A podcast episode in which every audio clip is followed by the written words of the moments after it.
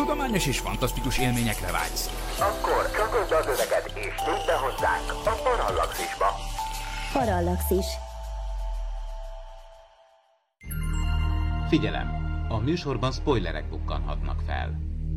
12 éven aluliak számára nem ajánlott. Az MD Média bemutatja.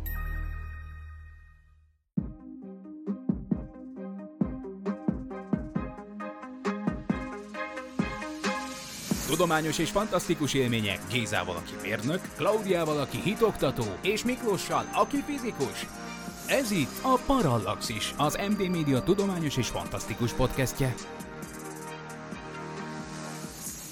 Köszöntök mindenkit, ez a Parallaxis 75. adása a mikrofonnál Pécsi Géza.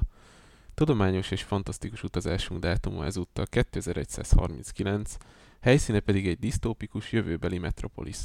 Főhősünk az egyszemélyben rendőri, bírói és ítélet végrehajtói jogkörrel rendelkező Dredd bíró.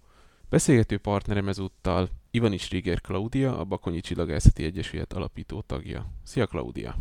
Sziasztok! Valamint Vince Miklós, az LKH ELTE elméleti fizikai kutatócsoport tudományos főmunkatársa. Szia Miklós! Sziasztok! Na, hát van ez a film, amivel kb. minden van, tehát fegyverektől 60%-os készültségű klónokon át csajharcig, minden. De sokan mondják, hogy nagyon kell a magyar szikma egyébként ez a filmhez. Igen, Miklós? Hm. Hálás vita téma amúgy, hogy egy filmnek jót tesz vagy rosszat a magyar szinkron, és én azt hiszem, hogy azokban a filmekben, amelyekben Sylvester Stallone a főszereplő, akkor valószínűleg bármilyen szinkron az csak javít a dolgon. Ezt gondolod? De most lehet, hogy szemét vagyok, mert például az Oscarban imádtam. De most hirtelen nekem nem is jön elő, hogy milyen, milyen az alaphangja Sylvester Stallone-nak. Mély, mély, vagy, vagy ilyen? Mély öblös. Hát, hogy mi az alap? Na, az alapot én sem tudom, de én a Dreadbírót angolul néztem meg, és ott így, ilyen te- tesztoszteron túltengésben szenvedő NDK sportolónők. Igen, akkor a testéhez igazodik, tehát kicsit túltoltan a pozimot. Igen, igen, tehát nagy rezonátorüregek, ö, alacsony frekvenciák, igen. Tehát stallone nem kék a szemed, de a Dreadbíróba iszonyatosan kék, tehát ilyen óceán, vagy hát nem óceán, mert ugye az óceán az zöldes, hanem tenger, ilyen, ilyen mediterrán tenger, földközi tenger színű szeme van. Mit gondolsz erről, Claudia? Kontaktlencse?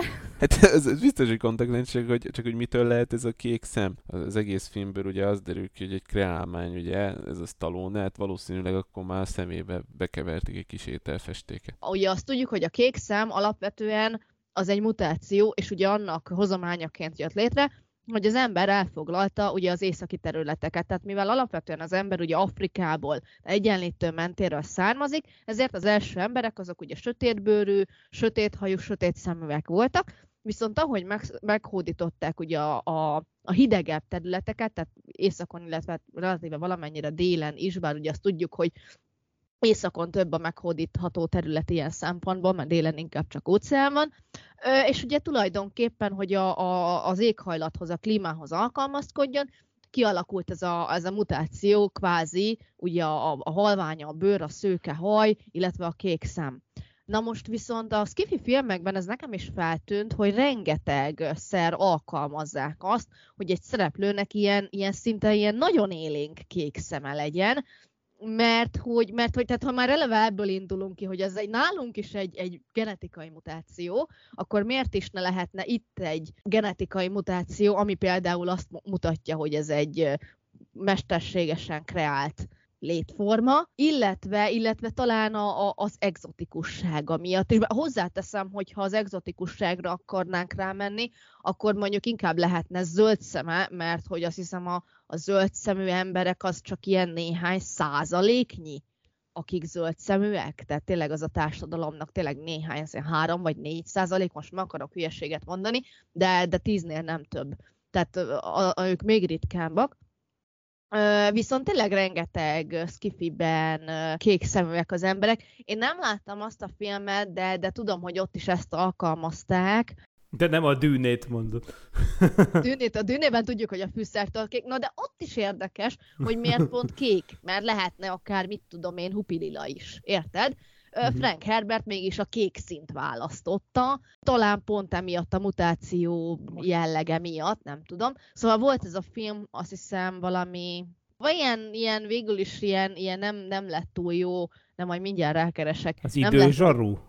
Jean-Claude Van Damme. Justin Timberlake szerepelt benne, azok voltak a társadalomnak a, a magas szintjén, akinek, akiknek sok idejük volt, és akkor hogy valahogy ebből. Ja, és mindig ment el számláló. De abban is kékszeműek voltak, és ilyen nagyon hirtelen kékszemük volt, és pont az jutott az eszembe, és de, de tényleg más filmekben is egy csomószor ilyen skifikben kék a szemük. Ugye ez a kékszem mutáció amúgy fizikailag annyiból érdekes, hogy a kékszemű, kékszemű embereknek a szeme az nem azért kék, mert van benne egyáltalán kék pigment, mert az emberben sehol nincsen kék pigment, hanem ez a fizikai effektus ugyanaz, ami miatt az ég is kék, meg a tengervíz is kék.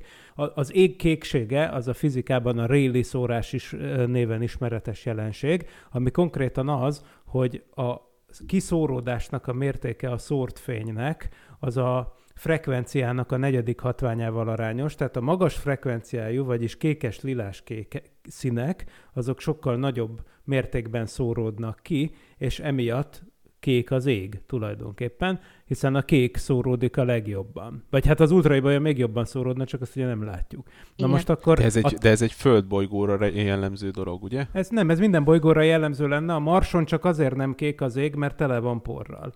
De hogyha az leülne, akkor egyébként ott is kék lenne az ég. Sőt, ugye nyilván a sűrűsége válogatja, de hogyha mondjuk a Vénusz légkörében 60 km magasan lebegnél egy, egy hogy hívják on, egy felfújható űrvárosban, Légben. azért mondom a 60 kilométert, mert ott annyi a nyomás, mint itt nálunk a felszínen, akkor, akkor is kék lenne az ég. Na szóval, szóval ez, ez fizikai alaptörvény. Na most ugyanez van egyébként akár, ha csak tejet kiöntesz, ott is azt látod, hogy kékes, pedig az is tök fehér, de az már a mi szórás nevű jelenség, ami folyadékokban jellemző, és az emberi szemmel is ez a helyzet, hogy igazából abban is barna pigment van amúgy, a kék szemű embereknél is barna pigment van, csak egyszerűen, vé, egyszerűen vastagabb rajta az a réteg, amin szóródik a fény. És ettől aztán kékesnek tűnik a szem. Tehát tök érdekes, hogy a mi szemünk az, az nem úgy kék, mint ahogy egy csomó madárnak, meg egy-két hüllőnek van kék kék pigmentje, meg rengeteg halnak, mert nem, ilyet, ilyet, ilyet nem találunk. Na most vi- vigyázz, mert igazából állatok, ö, sok, állatoknak sincsen kék színű pigmentje. Ja, jó, oké. Okay, tehát jó. állatok nem, nem, igen, tehát ott, ott is úgy van, hogy ott is csak a fény visszaverődés, meg a fényelnyelés miatt kék. Egyetlen egy olyan lény van, egy lepke, latin névvel, szóval egy lepkefajta, egy egzotikus lepke, aminek kék a színe, és nem az a nagy szép halványkék, amire gondoltok most, uh-huh. ami ilyen tenyeremnyi, két tenyeremnyi méretű, mert nem az az. Tehát mindegy, van egy lepke, és annak van egyedül kék színe, tehát ami, ami tényleg kék pigment, az összes többi állat, aminek kék színe van, az csak fényelnyelés, meg fényvisszaverődés. Tehát az nem igazi kék szín. Ugye a, a kék a természetben konkrétan nem létezik. Jó, oké. Hát persze fény, fény, minden, amit látunk, az fényvisszaverődés. De, de, de igen, hogy itt a szórás, ezek szerint ott is erről van szó, hogy konkrétan egy, egy vékony rétegen szóródik a fény, és akkor ettől kékes. De ezt nem tudtam amúgy, hogy ez minden állatra igaz, ez tök izgi. Csak már jól eltévedtünk ettől a ettől a, úgy nyilvánvalóan olasz származású Sylvester Stallone-tól. Még, még egy pillanatot maradjunk ennél a, ennél a kék szemnél, mert ugye csak szeretnék egy, egy párhuzamot vonni az egész. Ugye a végén kiderül, hogy tulajdonképpen ő egy kreálmány és iker, tehát ő egy lombik iker, úgymond, Stallone filmben, tehát Dread bíró, akinek ugye van egy iker testvére, tehát a, a Rico ugye az iker testvér, akinek amúgy nem kék a szem, ez is furcsa. Hát ez így önmagában, önmagában ez meg úgy oké. Okay. Igen, de hogy minden gyerek alapvetően kék szemmel születik, ugye? Igen alapok. Ez utána megváltozik. Amúgy ez nagyon érdekes pont az Hát igen, mert ahogy nő a szemed, akkor a rétegnek a relatív vastagsága változik, amiről most beszéltem, és ezért tényleg igen. ott még olyan vastag a réteg a, szem, a szem méretéhez képest, hogy sokkal jobban tud a, kiszóródni a kék, kék fény. Amikor pici, Például igen. nekem, nekem iszonyat fekete szemem van, feleségemnek nagyon, nagyon kék, és annyira kék volt a kislány szeme, hogy egyszerűen nem is gondoltuk, hogy ebből más lesz, és zöld uh-huh. lett amúgy. Uh-huh. Uh-huh. De, de ilyen egy éves kora után, tehát uh-huh. nagyon későn. Na mindegy. Uh-huh. Visszatérve, tehát, hogy minden gyerek kék szemmel születik, és ugye, mivel Dread egy iker, egy lombik iker, és egy olyan szinten klón, ami tulajdonképpen nem is csecsemőként jön a világra. Ez fura volt nekem a filmben, hogy úgy csinálnak klónokat, hogy felnőtt emberként. Nem tudom ennek mi értelme van, szerintem több értelme lenne csecsemőként, meg kisebb energia lenne, de mindegy, ők, ők elkezdik csinálni nagy emberekként a klónokat. Ez által, hogyha ezt a logikát folytatom, akkor a Dread nem öregszik. Tehát ő, ő megszületett ilyen 32 éves fúkigyúrt valakiként, és ő a tökéletes ember, aki nem öregszik. És mi van, hogyha ezért kék a szeme? Mert, ő, mert minden ember kék szemmel születik, és ő így született, és ő kortalan, úgymond. Csak akkor meg nem értem, hogy az iker testvérenek miért nem olyan színű a szeme. Én is azt gondolnám, hogy uh, a, hogy hívták Rikó, Rikónak kékszeműnek kell, igen, kékszeműnek kellene lennie, bár hozzáteszem, hogy hogy nekem ez a film nézése során nem tűnt föl, tehát őszinte leszek, ha, ha nem, nem, nem szólsz, akkor, akkor én nem veszem észre. Pedig nyilván elég látványos volt, de, de nem. Nekem. Nézzétek, én ezt nem értem, hát tehát, hogy, hogy igazából az ugye egyértelmű, hogy nem egypetéjű ikrekről van szó, sőt, igen, az ikrek az csak távoli módon értelmezhető ebben a kontextusban az meg, hogy, tehát ha meg nem egy peti, mert hogy ugye nyilván genetikailag alkotott lényekről van szó, mint a mesebeli parkban. Na most, ugye, ugye nyilvánvaló, ja tényleg ott is van Blue a Velociraptor, akire valószínűleg hát szintén, szintén igaz, hogy nem, nem izé, saját kék pigmentje van. Na, szóval az van, hogy, hogy hát ugye a, a, a két petéjű ikrek azok olyanok, mint a sima testvérek lennének, csak egy időben születnek. Na most ott viszont simán előfordulhat, hogy az, mint például az öcsém meg én is ilyenek vagyunk, tehát hogy neki barna a szeme, nekem meg kék ez annyira nem egy nagy izé, probléma. Onnantól kezdve, hogy látod, hogy a két csávó tök más, hogy néz ki, Tehát, hogy, hát hogy egy petérű ikrekről nincs szó. Ugye a filmtörténet kedve, számomra kedvenc ikerpárja a hasonló rovatban, ugye Arnold Schwarzenegger és Danny DeVito. Mi, mi, mit ad Isten, szintén egy olasz az egyik, ugye a Danny DeVito, mármint, hogy olasz származású amerikai természetesen. És hát ugye a, a nagy, izé, a nagy árja Schwarzi, a kék szemével. Ugye a Schwarzinak kék a szeme, ugye? Tehát ezt jól gondolom. Jó, oké. Okay. Na, de hát a Danny DeVito-nak meg szinte biztos, hogy barna. Na igen, szóval a, az egy nagyon érdekes kérdés, hogy, hogy, hogy csinálni élő lényeket úgy, hogy, hogy úgy szülessenek meg klónozás eredményeként, hogy már felnőttek. Én ezt valahogy úgy képzelem el, hogy, hogy igazából az egy csak úgy lehet megcsinálni, hogy egy felgyorsított felgyorsított fejlődési folyamat. Tehát, hogy valami olyan hormon kezelésnek, nem tudom minek teszik ki az embriót, hogy, hogy, hogy egyszerűen gyorsabban fejlődik, hogy valahogy megcsinálja azt a dolgot, mit tudom én, egy év alatt, aminek más, amihez másnak húsz év kell, vagy mit tudom én, micsoda. Tehát ezt hát nem vagy tudom, előre amúgy, legyártanak hogy... szerveket, és így összeszerelik. Na, ez, igen, ez a másik, de hogy szerintetek itt melyikről lehet szó? Mert, mert ugye, hogy lehet ugye nyilván növeszteni ilyes, ilyen Tehát szerveket. Ott nem nagyon, hogyha láttad, ott, ott voltak azokban az akváriumokban, és tulajdonképpen kész mindegy. voltak. Kész Aha. voltak, és ilyen, ilyen genyfette őket le tulajdonképpen, amiből így a bőrük. Tehát a bőr az így, bőrt oda neveztették, de egyébként szerintem így összeszerelték őket valahogy. Elképesztő. Hát ez a dread, ez nagyon durva. Na, tehát, hogy uh, itt a klón, klónokat, azokat szerintem összeszerelték, mert hogy úgy néznek ki, hogy ezekbe az akváriumokba állnak, és egy ilyen gennyes valami fehér cucc fedi őket, ami szerintem a, a bőrszövetüknek az eleje, meg ez a kötőszövet a bőr alatt, és akkor abból, tehát, tehát a bőrt növesztik rá egy ilyen összeszerelt valamire, szerintem. Valamilyen szinten tudja, hogy mehet ez, mert ugye ott van a, a, a amikor kimegy a sivatagba, ugye a Dredd, amikor viszi az a rapszállító, és akkor ott leesik, és van az a kanibál család, ahol van ugye foltos, aki meg ilyen félig robot, félig ember valami, tehát tudja, hogy tudnak valamit már így szabászkodni az emberi testen. Igen, hát ez nagyon érdekes lenne, hogyha amúgy ezt így meg lehetne csinálni, és egyébként tudományos szempontból kell nyilván értékelnünk a Dreadbírót többek közt, és eh, hát ez a genetikai része talán a legizgalmasabb. Amellett, hogy van persze klimatológiai, meg lövöldözés technikai, meg mindenféle járműipari vonatkozása is ennek az egésznek, de, de valóban az egésznek ez a központi kérdése, hogy hogyan lehet egy másfajta klónozást csinálni, mint amit mostanában ismerünk. És nagyon sok science fictionben előjön ez a történet, és valójában tulajdonképpen még a Star Trekben is szerintem, amikor szintetizálnak valamit, ugye például az egy hasonló történet. Ezt, ezt ma inkább én úgy képzelném el, hogy ez azért nem ter, termé, teljes hülyeség, mert igazából ez, ez körülbelül úgy képzelhető el szerintem, mintha valamiféle nagyon fej, fejlett 3D nyomtatási technológiával tulajdonképpen kinyomtatnának egy felnőtt embert.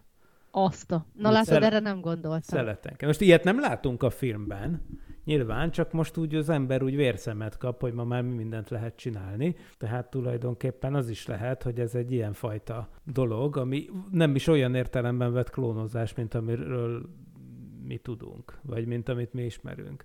Az viszont nagyon érdekes, hogyha az emberiség eljutott erre a szintre, amit a Dread Bureau-ban látunk, akkor hogy tudták meg is ennyire megszívni ezt az egész klímaváltozás történetet? Hiszen például a múltkor kibeszült rettenetes film, az ugye nyilvánvalóan egy másik univerzumban játszódik, hiszen ott ugye az van, hogy az emberiség megtanulja kontrollálni az időjárást. Most ehhez képest ugye itt vannak ezek a itt van ez a disztopikus jövőkép, amit említettél, ami tényleg úgy néz ki, hogy az egész bolygó el van sivatagosodva, és vannak ezek a megapoliszok. Nyilván ez az egyes számú, ez, ez, hát úgy tűnik, hogy ez nem más, mint New York, mert a szabadságszobor az Hát még meg inkább is ez a van. New York, Chicago, meg az összes keleti nagyváros szerintem össze van nőve egy nagyváros, én úgy néztem. Van egy, Ja. egy térkép. Ja, Ja, ja, Chicago ja. az mióta kelet, édesem? Az észak. Hát, hát jó, De ne, maradjunk ne, annyiban, hogy ne bosszás. ne veszünk össze, a Chicago az Midwest, az Midwest, az, az, az ugye a Michigan tónál van,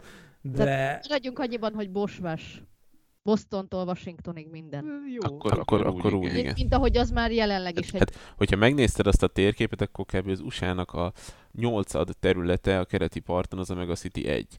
És akkor van még több Megacity, és akkor vannak, van egyszer egy ilyen kis részlet a filmben, és van olyan rész, amire ilyen nagyon fura, nagyon érdekes írás van írva. Ez gyorsan meg is keresem, mert az, az nagyon viccesnek, vicces volt nekem.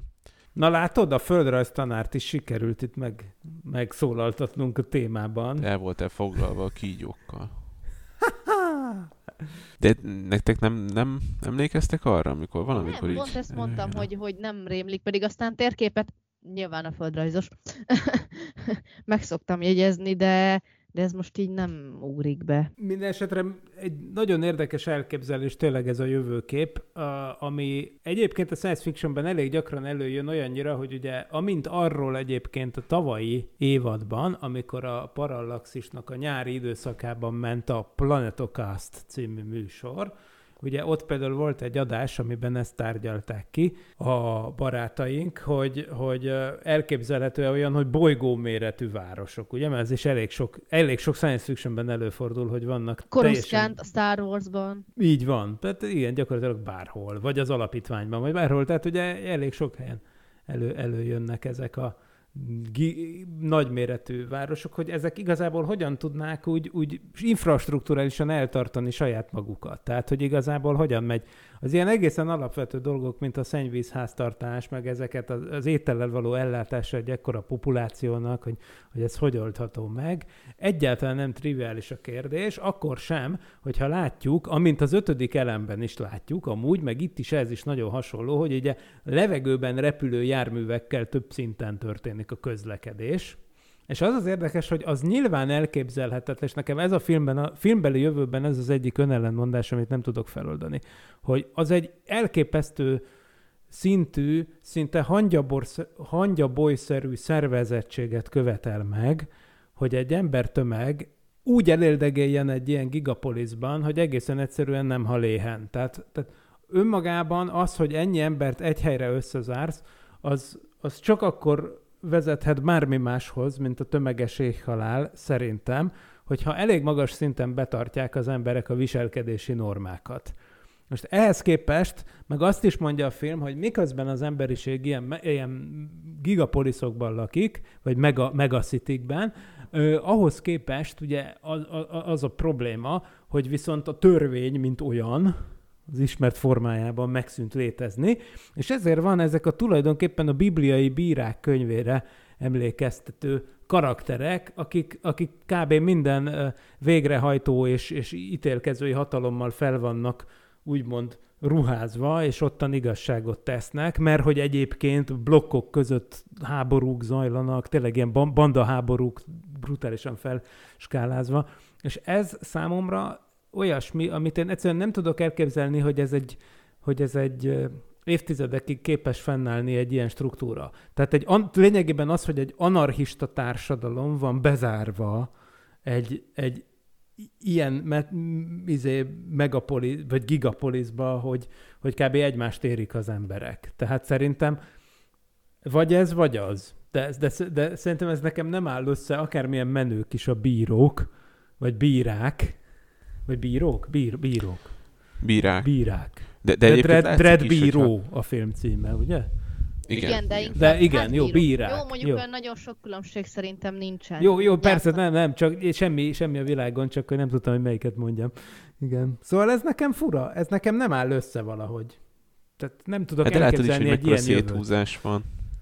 Tehát, hogyha lemész az utcákra, ott folyamatos zavargások vannak, meg minden. Hát ez tehát, az. hogy a, a, a csőcselék úgymond, az folyamatosan zavarog, meg ugye amikor a, megérkezik, úgymond ez a, ez a Rob Schneider által játszott a civil, vagyis hát ilyen IT hacker-szerű valaki, Uh-huh. akkor is leérkezik, és mondták, hogy vigyázni kell, mert ott felkelés van éppen. Egyébként, hogyha itt vagyunk, meg, akarom említeni ezt a fantasztikus felfedezésemet, amit tettem, amikor újra néztem a filmet most, hogy ugye van ez a Sky Cab, amivel utaznak, ami tud repülni, és ilyen Mhm. eléggé futurisztikus autó.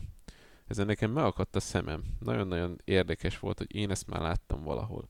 És akkor most mindenkinek elárulhatom, hogy egyébként én Land Rover alkatrészeken dolgozom, meg ott ennél a cégnél dolgozom, és a Land Rovernek a központja Gaydonben található, ez a Egyesült Királyságban West Midlands területet Londontól északra helyezkedik el, és itt a Land Rover intézi a British Motor Museum nevű ö, intézményt, ahol az összes Angliában gyártott, valaha gyártott autómodell ki van állítva.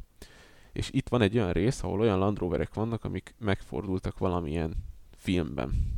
És nekem föltűnt, hogy én ezt az autót már láttam valahol, és itt láttam, mert ugye a Skycab az a Land Rover által tervezett filmautó 1995-ben a Defender alapjaira lett tervezve, és ez volt a, az az autó, amit használtak a, a Dread filmben. És ezt láttam élőben. Egyébként ez egy iszonyatosan nagy autó, tehát úgy néz ki, akkora kb. mint egy kamion, és akkor így fölnyílnak az ajtói, tudsz lépni, de ahhoz képest meg alig van bent hely, tehát eléggé butaság szerintem, hogy miért lenne ilyen kis hely egy autóba, de mondjuk persze repülni is tud meg minden. A Dread bíróban szereplő autókról most el kell, hogy mondjam, hogy nekem az volt a filmmel kapcsolatos első élményem, hogy 1995-ben kiléptem az utcára a házunkból, a Nagykörúton, amikor mentem az iskola felé, és képzeljétek el, hogy a Dread bíróban szereplő egyik autó, ami ilyen mocskos sárga, nagy teherautó méretű valami, de az nem repül. az a Skycab. Igen, az, az így el, elgurult a ház előtt. Nem mondod. De. És akkor ez nekem most állt össze, a, és akkor igen, és aztán később mondták is valakik, hogy igen, itt Budapesten köröz most egy ilyen, és hogy ennek a film premierhez van köze. És, és, és most már úgy összeáll a fejemben, hogy ennek a filmnek amúgy az Andy Vajna volt a producere, Á, aki, aki, aki ugye Isten nyugosztalja, ugye, aki, aki egy, egy magyar, meg hát aki legendás ugye a Sylvester Stallone-vel közös korábbi gyümölcsöző együttműködésük. És hát ugye az a helyzet, hogy, hogy valószínűleg ő ezt így, vagy a, Andy Vajnán keresztül, vagy nem hiszem, hogy minden városban ez volt, ahol bemutatták a filmet világszerte, de Budapest talán az Andy Vajna miatt egyike volt ezeknek. Én ilyenkor különben úgy sajnálom, hogy ilyen nagyon vidéki vagyok. Hát jó, ez 1995-ben volt, hogy ezt te- tegyük hozzá, és bizony, bizony, Jó, bizony. akkor is ez, sajnálom, hogy vidéki akkor, vagyok. Hát szerintem azért összességében. figyelj Claudia, mondom, nem kell más tenned, csak elutazol Angliába, akár egy, akár egy hosszabb utazást, csak lemész az autópályáról, és megláthatod élőben ezt az autót, nagyon szép. Hm. Ha te, tényleg, hogyha tehetitek, látogassátok meg a British Motor Múzeumot. Én voltam nagyon sok autómúzeumban, voltam idén a BMW múzeumban is, Münchenben, és kimagaslóan jó az angol autómúzeum. Tehát No, hát ez, ez nagyon jó kulturális programajánló is. Szóval nekem ez volt az első találkozásom a filmmel egyébként. Úgyhogy ez elég De ez, de ez volt. nagyon érdekes, Ja. nagyon érdekes, hogy ezt elmondtad, hogy egy ilyet élőben látni. Igen, és Budapesten, tehát, és 95-ben, ugye tegyük az. hogy 95-ben egy autógyárat felkérnek, hogy tervezzen egy autót emiatt a film miatt. Ez is egyébként kemény, mert most már kicsinál ilyet, tehát maximum összeraknak CNG-vel valamit, és akkor valami Mhm. grafikai Igen. valamit látsz, de ilyen már azért nincsen, tehát azért ennek iszonyat nagy költségvetése van, hogy te mindent megtervez, legyártas, hogy Na legyen de én azt nem autó. tudom amúgy, hogy az akkor konkrétan egy, ezt megépítették már akkor, ezt tőled kérdezem, vagy, vagy egyszerűen akkor még csak úgy elképzelték, hogy ez így néz ki, és nyilván valamik ott guruláztak a filmben, amik mondjuk, mit tudom én, más járművek voltak. Ebből. Azt hiszem 90 darabot gyártott. De már akkor, ugye? Persze. Ja, hogy már, a, jó, oké, tehát ez nem olyan volt, mint Persze. mit tudom én a, a, a visszajövőbe uh, Hát a DeLorean mondjuk korábban megcsinálták, de most nem erre gondolok, hanem konkrétan mondjuk a légdeszkára, ja meg a, a cipőre, ez az, Nem, nem. amit utólag most legyártottak igen. olyanra, de akkor nem, Oké, oké, erről hogy ugye az, az a funkciója, hogy ez repült ez az autó, az, Mhm. az evidens, hogy nincs benne ebben az autóba, de, de ettől függetlenül létezik ez az autó, és megy is. Tehát ez, ez konkrétan ezt úgy képzeljétek el, mint hogyha megvennél egy, egy autót a, a szalomba, leflexelnéd róla a karosszériát, és akkor elkezdenél hajtogatni rá lemezeket, és megépítesz egy ilyet. Tehát tulajdonképpen Mhm. az alja ugyanaz, mint Mhm. egy teljesen más terepjáró, csak így raktak Mhm. egy ilyen fancy külsőt rá. Aha. Na, És ebből ja, mondjuk ja. gyártottak 90 darabot. Csak hogy ez, ez nagyon kemény, mert ennek azért nem 5 forint a költsége, és hogy ezt egy film kedvéért megcsinálni, ez azért nem kis dolog. Hát igen, az ilyet Andy. Andy bácsi jól forgatta a pénzt. Na most az a helyzet, hogy, hogy amúgy említetted ezt, hogy, hogy az utcai harcok oda lendulnak, és amikor az elején, amikor pont közelíti ezt a, ezt a Heavenly Heaven, vagyis Mennyei Menedék nevű városrészt, amikor a, a, izé a hacker karakter belecsöppen ebbe az utcai harcba, ugye? Akkor, akkor pont elrepül egy, egy olyan helyen, ahol, ahol viszont tényleg az Andy Vajnának a meg, megfelelő felsőbb kaszt izéi ott a, a leányok ottan ö, ugrabugrálnak bele a medencébe ott fönt. Tehát, hogy, hogy, hogy itt e- egészen plastikusan megjelenik, hogy itt tényleg itt a magasság jelenti a társadalom rétegződését. Tehát De, de mégis nem, nem sok mindent beszélnek ezekről, tehát ott a mennyei menedék, és akkor az így oké. Okay. Nem nagyon hallunk róluk utána. Uh-huh. Igen, különben ez, ez nekem is feltűnt így sokat megnézésre, mert ugye én ezt a filmet alapvetően először hát gyerekként láttam, utána nem láttam sokáig, utána egyszer néztük a férjemmel, de az is már volt legalább tízegy néhány éve, és ugye most, és, és tényleg nyilván most már sokkal, hát akkor harmadik nézés után tűntek föl ezek az apró hibák, mert én amúgy meg nagyon szerettem ezt a filmet, tehát, eh, és tényleg tök furcsa volt, amikor most így az adáshoz kapcsolóan direkt uh, utána olvastam így a filmkritikáknak, és, és hogy egész negatív, negatív kritikák születtek róla, sőt konkrétan ilyenek, hogy ez volt Stallone legrosszabb filmje addigi pályafutása alatt, holott, holott nekem nagyon tetszett, lehet, hogy ez nekem olyan bűnös élvezet, mint az Armageddon, vagy nem tudom. De az Armageddonon legalább lehet visítva röhögni a tudománytalansága miatt. Meg az úgy eleve egy szórakoztató film. Ha hozzánk hasonlóan neked is szenvedélyed a tudomány és a fantasztikum, és szívesen lépsz be a Parallaxis univerzumba, arra kérünk, hogy legyél a támogatónk és segíts te is az ismeretterjesztést. Látogass el a patreon.com per Parallaxis címre, ahol a különleges tartalmak mellett már akár napokkal korábban hallgathatod a Parallaxis podcast legújabb részét. patreon.com per Parallaxis.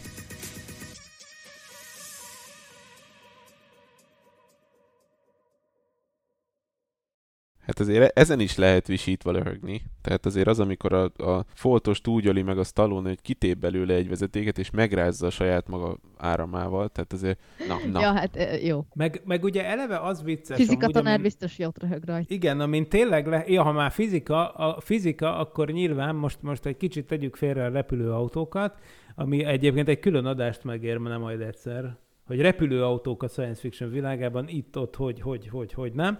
És akkor el lehet menni tudományos vonalba is, hogy a maglev meg ilyeneket nézegessünk. De Ugyanakkor azonban most a fizika tanárság szempontjából azért az sem piskóta, hogy itt rengeteg lőfegyver van, ugye Géza nagy örömére, amire majd mindjárt rátérünk, és azok rendszerint elsülnek, és amikor még van, hogy a, hogy a csávónál van egy ilyen RPG, ugye, rucsnoj paratankovő apparátomú, vagy mi ez, rocket powered grenade, vagy mi, ugye ez a váról indítható izé, poszt, poszteres izé, és akkor ugye az van, hogy elindítja az emberünk ezt az óriási fegyvert, az elsül, de soha nincs visszahatás. Tehát soha nem rúgnak vissza a fegyverek, és lehet látni, hogy óriási nagy tölteteket kilőnek, mit tudom én, rengeteget lövöldöznek. Soha direkt figyeltem, egyetlen egyszer sem láttam azt ebben a filmben, hogy egy fegyver visszarúg. Hát de ezt más filmben se látod. De. Mármint, hogy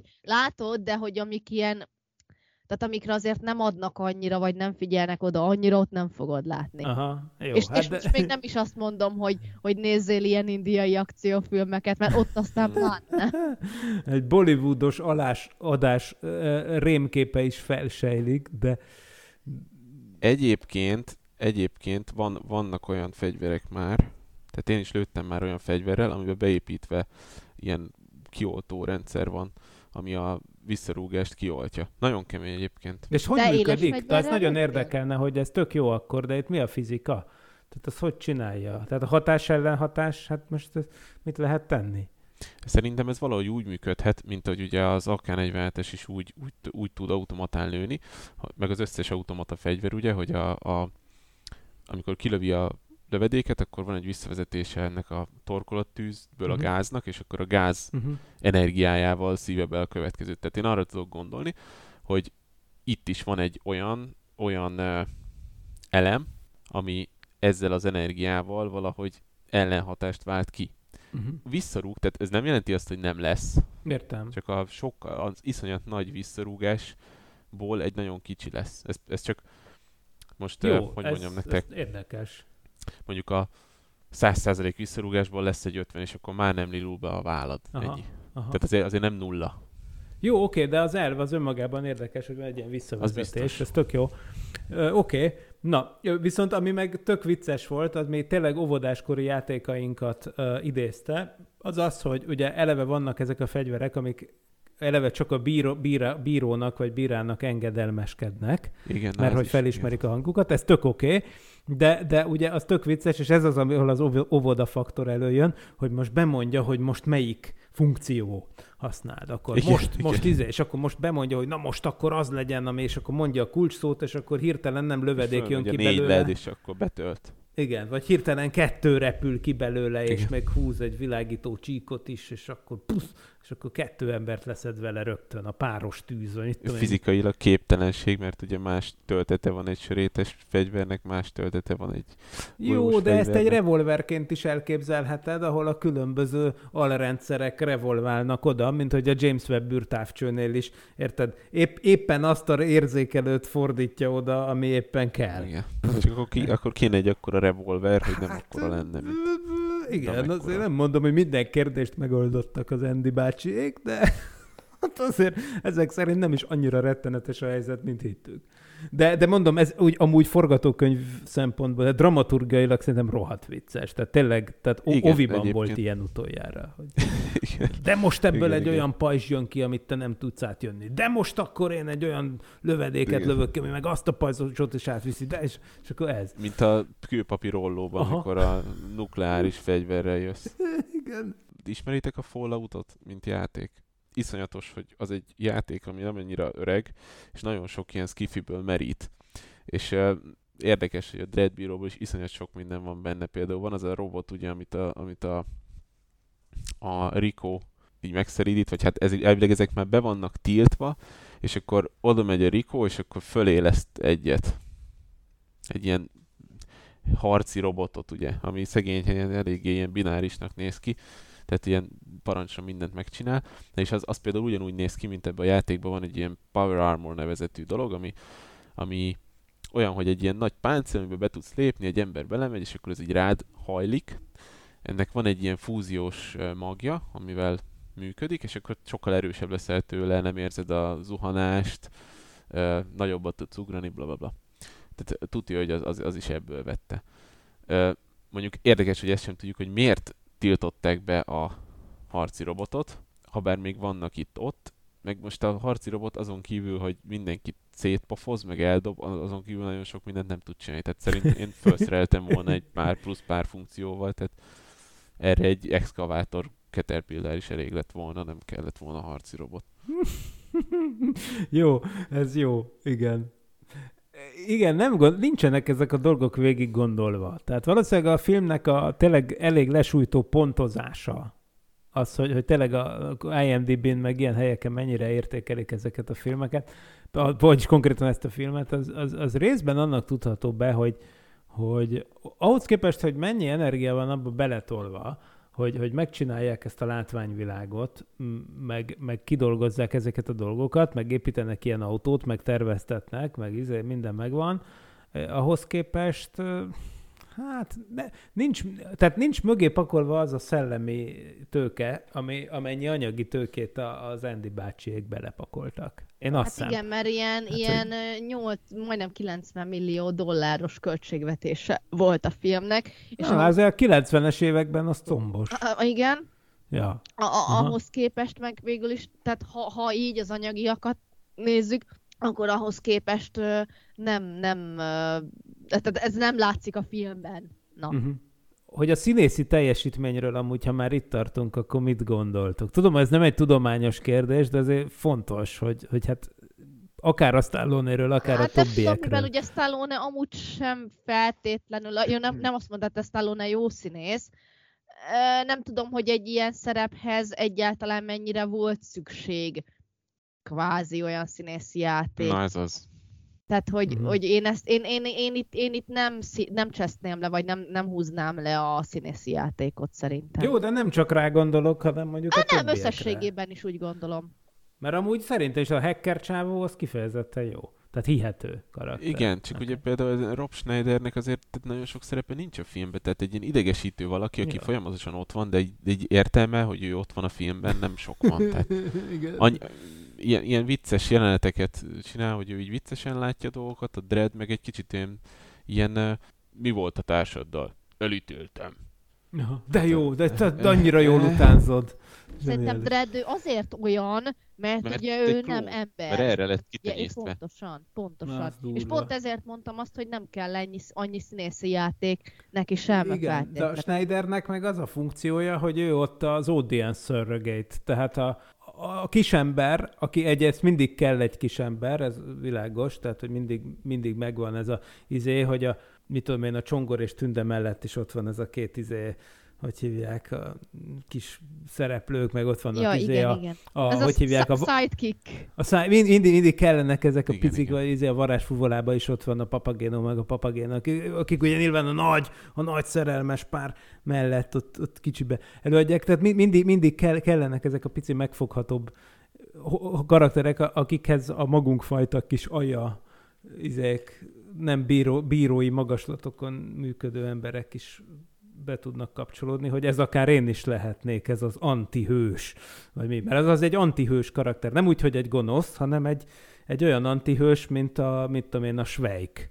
S, ugye? Hát de Tehát- mégis nagyon nagy hős, mert meghekkeli a végén ezt a Na igen, is. és az a külön csavar, amikor látod, Tehát- hogy még te is lehetsz az az ember, aki elég. Tehát hogy szerintem ilyen szempontból dramaturgiailag egy ilyen karakter, hogy kettő, legjobb az, ha ketten vannak, mondom, hogy kéne neki egy csaj is, akivel összejön. Tehát, hogy, hogy, hogy az ilyen, az ilyen az azért kell. Tehát ezt szerintem tanítják, a, hogyan, hogyan írjunk hollywoodi kasszasiker című történetbe. Ez- És akkor ugye ott van, ott van a Barbara Hershey bíró, Diane Lane, aki meg ugye folyamatosan ö, eléggé hát meghamisíthatatlan utalásokat tesz arra, hogy szeretne valamit kezdeni Dredd bíróval, de szegényke olyan szinten nem veszi alapot, hogy nagyon... Tehát, hogy ő azért, mert ő klón, kész, ennyi. Igen. De a végén mégis rájön azért, hogy Kikövetkezteti. igen. Igen. Hát, Ja. Hát igen, nehéz lehetett.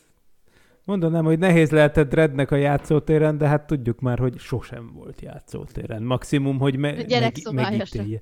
Hát nem volt gyerekszobája se. Azt is csak photoshopolták azt a Egy képet. képe volt a testvérével, ahol ugyanúgy néz ki, ahol kinéz. Ahol, ahogy kinéz. Ugye? Az mondjuk érdekes, tényleg azt kellett volna azt elemzésnek alávetni, azt az állításodat, ugye, ami azt mondja, hogy, hogy ő nem öregszik. amikor, amikor kérdezi, kérdezi a lány, hogy, hogy és mi történt ezzel az emberrel, aki a képen van, és akkor mondtad, milyen jól mondtad, hogy meg, megítél. Elítéltem. És akkor azt a képet ott, azt úgy gyorsan megállítjuk, és belezumolunk, és megnézzük, hogy nekem úgy tűnt, hogy azon fiatalabbak az arcaik. Tehát, hogy mintha öregednének azért mégiscsak.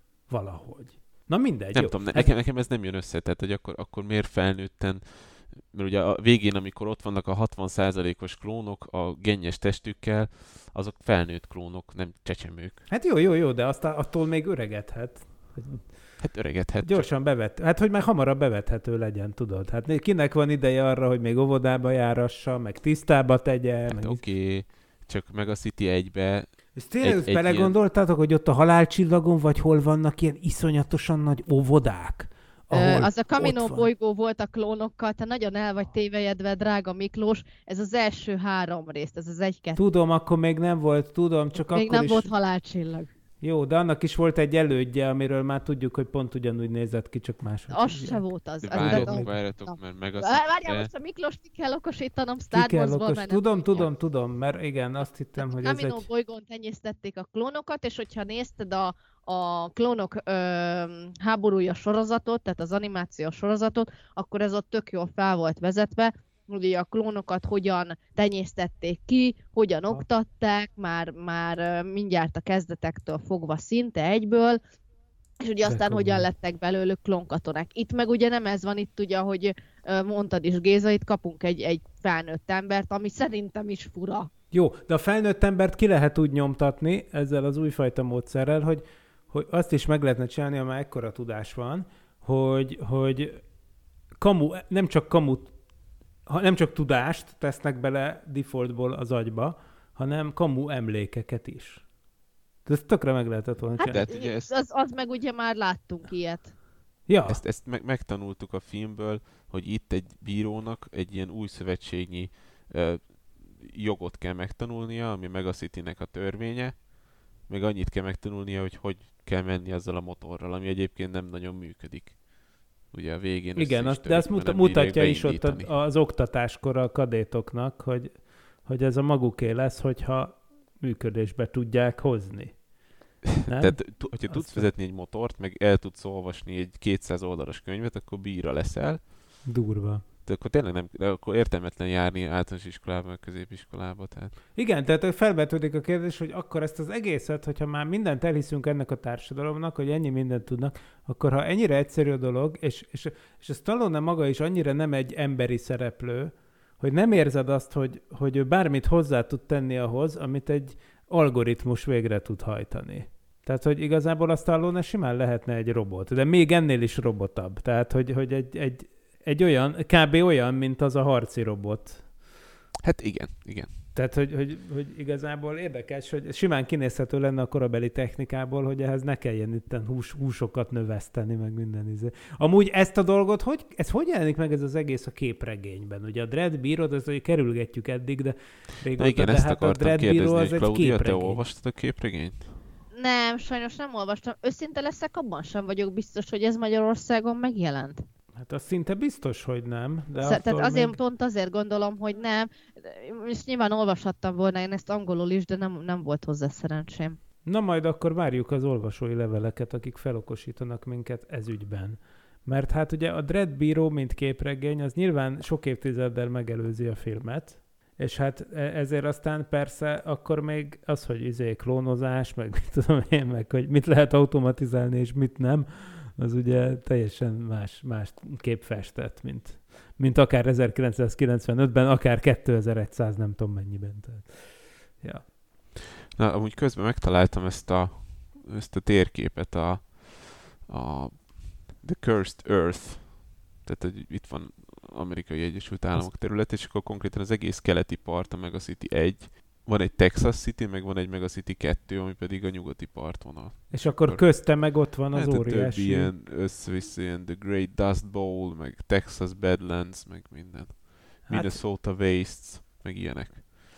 ez nagyon szóval- érdekes, és ugye akkor a, ejtsünk néhány szót arról is, hogy kik és miféle emberek laknak ott, ugye ezt is meglátjuk Igen. ennek a filmnek a jövőképében. Igen, tehát miközben átszállítanák Dreddet ebbe a hírhet börtönbe, amiből kiszabadul Rico, ugye?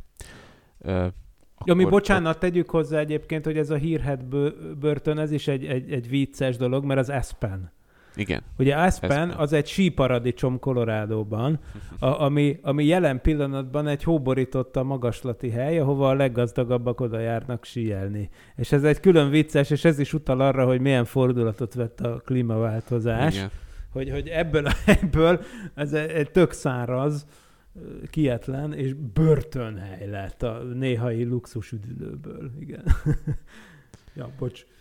Igen, tehát az odavaló utazáskor ugye lelövik a repülőgépüket, vagy hát ezt a repülő objektumot. Egyébként nem nagyon értem, hogy miért nem kerekeken menő járművel mennek, hogyha csak sivatag van, tehát mindegy lényegtelen. Ezt te- tegyük zárójelbe most. Lelövik őket, és akkor ott leesnek, és akkor ott van egy, egy furcsa család, akik ugye embert is esznek. Igen, kannibálok. Igen, tehát most ugye éhínség van. Tehát sajnos igazából a 20. század is, alig hanem a 21. századi történetben is látunk ilyeneket. Úgyhogy Végül is egyébként itt van a filmnek a legjobb öldöklős, vagyis hát nem öldöklős, hanem akció jelenete, mindenki mindenkivel verekszik, ugye Dredd kb. mindenkit megöl. Egyébként ugye ezek a, ezek a kanibálok eléggé hívők. Uh-huh. Tehát ugye ők, Érdekes. ők ö, Isten hívők, és akkor ők tulajdonképpen embereket áldoznak, ezért kanibálok. És amikor fellógatják Dreddet, meg a civilt, Rob Schneidert, akkor ugye ott ö, Rob mondja is, hogy jaj, én, én hiszem, hiszek, hiszek, hiszek, hiszek, és akkor leveszik őt, és mondja a Dredd neki, hogy hát nagyon hülye vagy, hogy ezt mondtad, mert most téged fognak megenni. Jaj. Tehát egyébként ebben a filmben ugyan, ugyancsak, ahogy én múltkor is mondtam, hogy ugye az apokaliptikus filmekben megjelenik ugye az Isten hit, meg ugye, hogy, Uh-huh. hogy vannak ilyen Isten hívők. Hát ugye itt is megjelennek, de ez pont a negatív ö, tekintetben, mert hát ők ugye áldozatokat ö, tesznek, és azt gondolják, hogy ettől majd megváltást nyerhetnek. Igen, de érdekes ez, a, ez, a, ez is, amit mondtad, hogy, hogy ez egy cursed earth, vagy micsoda. Tehát, hogy ez, ez, ez elát, elátkozott Elátkozott föld. föld. Tehát, hogy ez, ugye ma, magának az egész felütésnek is van valami eléggé teológiai jellegű pozíciója tulajdonképpen. És, és hát az, az, az, az is furcsa, hogy valójában most én vég, egyáltalán nem gondoltam, és nem is áll hozzám közel, hogy én itt ilyen izé, szocialista filozofálgatásba kezdjek, de valójában ez az egész film, ez tulajdonképpen azt mutatja be, hogy, hogy tényleg va- van, vannak ezekben a megacitikben odafönt a felsőbb emeleteken, ha úgy tetszik, lakó nagyon gazdag elnyomott, elnyomó elit, akiről, akiket nem nagyon látunk a filmben, csak, csak pont az elején, amikor, amikor elrepül ott az a, a, a, a taxival, úgymond útközben, a, Rob Schneider, és akkor látja ugye ezt a medencés partizós életet, hogy ott Hawaii Dizsi van és jólét, és, és, és akkor ugye azt, lát, azt, azt látjuk egy pillanat erejéig, hogy azért vannak ebben a rendszerben olyanok, akik baromi jól élnek, és konkrétan szó szerint a legalján a rendszernek ott van ez a brutális lövöldözős bandaháborús izé, még kijebb meg a teljesen kitaszított kannibalizmus, meg minden. és hogy, hogy azért vegyük észre, hogy ezeknek a bíráknak igazából az a feladatuk, hogy ezeket az embereket oda lent azt úgy, úgy lenyomják és lent tartsák. Tehát tulajdonképpen ez egy elég durván görbetükröt tart a társadalom elé, és nyilván Amerikában ez talán még jobban megjelenik, ami, amint ez az elmúlt egy-két évben azért elég jól előjött úgy, de hát persze eddig is tudtuk ezt Amerikáról, hogy ott is ugye brutálisan nagy különbségek vannak akár városon belül is, és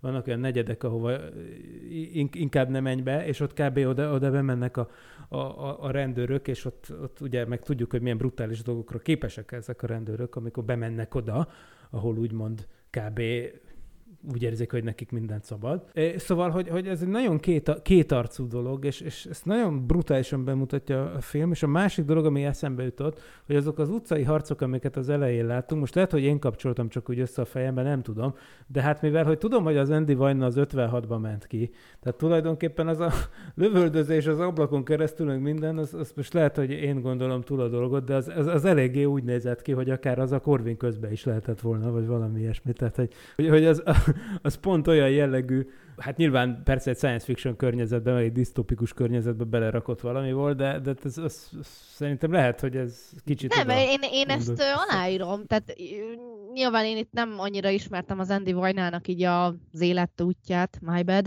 de, de most, hogy így mondod, és, és visszaemlékezvén a jelenetre, tényleg, tényleg lehetne akár ezt is hát kvázi beleképzelni, de hát hogy akkor ő a saját élményeit, vagy nem is tudom, tapasztalatát tette bele. Hát igen, lehet. Na mindegy, hát ezt nem biztos, hogy ezt valaha megtudjuk most már. De azt biztosan tudjuk, hogy ő 56-ban ment el egyébként Magyarországról. És, és, és Igen, hát ez, ez mondjuk ez, ez érdekes, érdekes dolog, amit mondtál Miklós, de azért, azért USA-ba, tehát hogyha jön egy, egy hurikán vagy valami, azért ott vannak fosztogatások, meg azért ott előkerül egy-kettő fegyver is, meg néha ugye bemennek a luxusautó szalomba is, és csak úgy felgyújtogatnak, meg összeöntözgetnek minden minden. Tehát azért egy kicsit a társadalom, társadalom önmaga is sokkal, hogy mondjam, hajlamosabb arra, hogy így elengedje magát, és, és szembeforduljon a rendszerrel. Tehát olyan szintű felkelések vannak, amire itthon szerintem nem nagyon. Tehát mi, mi Persze. szerintem nem láttunk ilyet.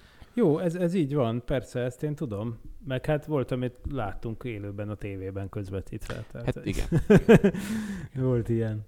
Elég durva. És, és uh, ilyen értelemben mondom ezt a dreadbírót, ezt igazából nehéz nem ilyen társadalomkritikának felfogni, és akkor, hogy most akkor egy pozitív szereplők egyáltalán ezek a bírák, vagy sem. És az a vicc, hogy úgy nézem végig a filmet, hogy ezt a végén sem tudom eldönteni. Van egy ilyen rendőr elit, aki az embereken uh, éli ki magát, úgymond. Nem mondom azt, hogy önbíráskodók, mert ugye ott van az a jog, ami, amit ők próbálnak betartatni, na de rossz a jogrendszer. Igen. Tehát pont, pont itt az Igen. előbbi ö, ételautomatás dologra hivatkozva, ugye rossz a jogrendszer, és, Hát akkor, most- és akkor ezt ugye, és, és ugye nyilván ilyen van a mai világban is. Hogy az amerikaiban, ez amerikaiaknál ez a vadnyugati romantikára játszik rá egy kicsit, ahol ott volt ugye a sheriff. Ugye a sheriff az, az, az kb. olyasmi volt, aki tényleg a saját jogértelmezése szerint, sőt igazság értelmezése szerint lényegében a, a megfellebbezhetetlen birtokosa volt a végrehajtói és, és, és bírói hatalomnak az adott uh, vadnyugati falu, faluban, mert hát ez volt. És ugye ezt rengeteg westernbe is mutatja, az öntörvényű serifeket, a szemét serifeket, a jófej serifeket, tehát hogy ez mindenhol megvolt, meg minden. De ez a furcsa, hogy ott is pont azért mint az amerikai individualizmusból is következik, hogy, hogy ott ugye baromi nagy szabadsága van tulajdonképpen a törvény értelmezésben a serifnek.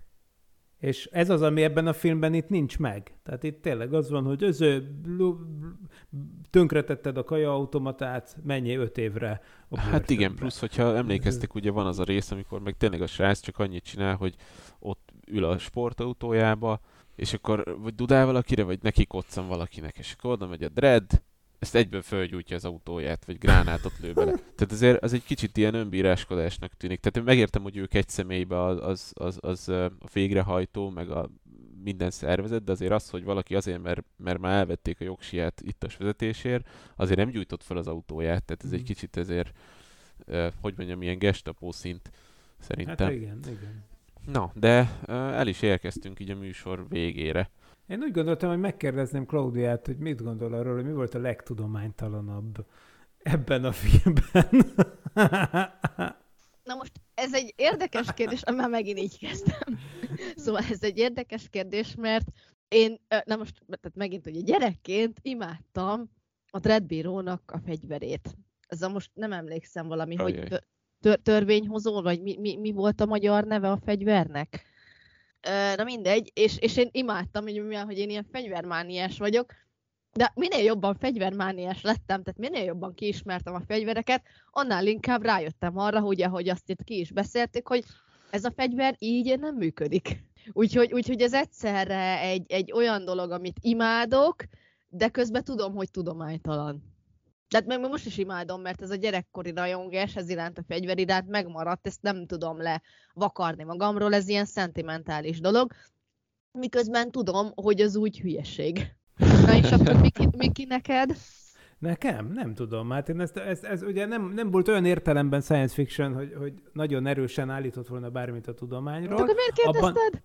Hát mert hogy, hát mert te, te, te tudtál rá válaszolni. Én Ja, meg. értem. De, de, de, de Én- ezt te nem tudhattad, Jó, hogy oké, okay. én, tudtál. én talán azt gondolom, amit mondtam, hogy nekem nem, áll- nem áll össze egy koherens világképé az, hogy az emberiség ennyire csúcs szuper, és közben ennyire lerohadt minden azon a néhány megapoliszon kívül, meg hogy az, a megapoliszokon belül uh, hogy lehet lényegében egy ilyen törvénytelen világban hogy lehet fenntartani mégis a rendet egyáltalán. Annak ellenére látjuk, hogy nem megy, de nekem már az is varázslat, hogyha ekkora nagy izé, káosz van, akkor hogy lehet, hogy ott rendezetten tudnak közlekedni az autók, hogy legalább a kreszt elfogadják egy ilyen világban. Tehát érdekes, hogy persze mondhatjátok, hogy mert a bírók akkor felgyújtják az autódat, hogyha nem tartod be a kreszt. Igen, de erre mondom, hogy szerintem egy olyan társadalmi rendszer, amiben ennyire nincsen közmegegyezés, hogy, hogy, hogy ilyen, ilyen tényleg ilyen pásztori, birkaterelői, vagy nem tudom milyen módszerekkel lehet csak betartatni a dolgokat, a, az sajnos az, az, az nem élte volna meg azt, hogy kiépüljen egy ilyen város. Szóval igazából ez, ez valahogy, ez nem fizikusan tudománytalan, hanem szerintem ilyen szociográfiai, szocio, szociológiailag tudománytalan szerintem az egész alaphelyzet. Egyrészt, másrészt pedig szerintem az a legtudománytalanabb dolog, hogy oké, okay, hogy azt mondja ugye az elején ez a robot is, hogy egyen újrahasznosított élelmiszert, mert ez mennyire jó, de azért ennyi embernek, aki itt egy ilyen meg a cityben él, meg a városban él, iszonyatos nagy mennyiségű tápanyagra van szüksége, amit újrahasznos... hát az. Tehát pont ez a lényeg a kajának, hogy ezt újrahasznosítani nem tudod. Tehát akkor ugye meg kéne enni azt, amit, amit nem eszel meg. Igen. Maximum, ha megkövült, akkor néhány, év, néhány évmillióval később egy, egy űrhajósnak a kezébe adod. Hát igen, ahogy, ahogy Claudia csinálta. Így van. Ö, na, hát köszönöm szépen a beszélgetést, nagyon jól mulattam. Október 31-én ö, különleges élőadással jelentkezünk a Parallaxis Univerzum YouTube csatornáján, csatornáján és a Facebook oldalán. Miklós és Claudia társaságában pedig visszatérünk a Holdra, és remélhetőleg kolonizáljuk is azt, hogy bástyaként szolgáljuk az emberiség jövőre számára. Parallaxis élőben, tehát október 31-én lesz, hétfőn 17 óra 30-tól. Legközelebb Parallaxissal november 10-én jelentkezünk, a már hagyományá vált adásban pedig Claudia Miklós és Ádám közreműködésével a Nobel és Ig Nobel díjazottakról lesz szó. Tartsatok velünk akkor is, Ivan is Rieger, Claudia és Vince Miklós nevében is köszönöm a figyelmet. Sziasztok! Nem volt elég a tudományból és a fantasztikumból? Olvasd a parallaxis.emtv.hu, lájkold a Facebook oldalunkat, nézd a YouTube csatornánkat, és hallgasd a Szokolébresztőt a Tilos Rádióban. A Tudományos Újságíró Klubja és a Tudományos Ismeretterjesztő Társulat által a Juhari Zsuzsanna díj külön díjával jutalmazott blog podcastjét az MD Media készítette. Kreatív producer Horváth Ádám Tamás. Hamarosan jön a következő rész.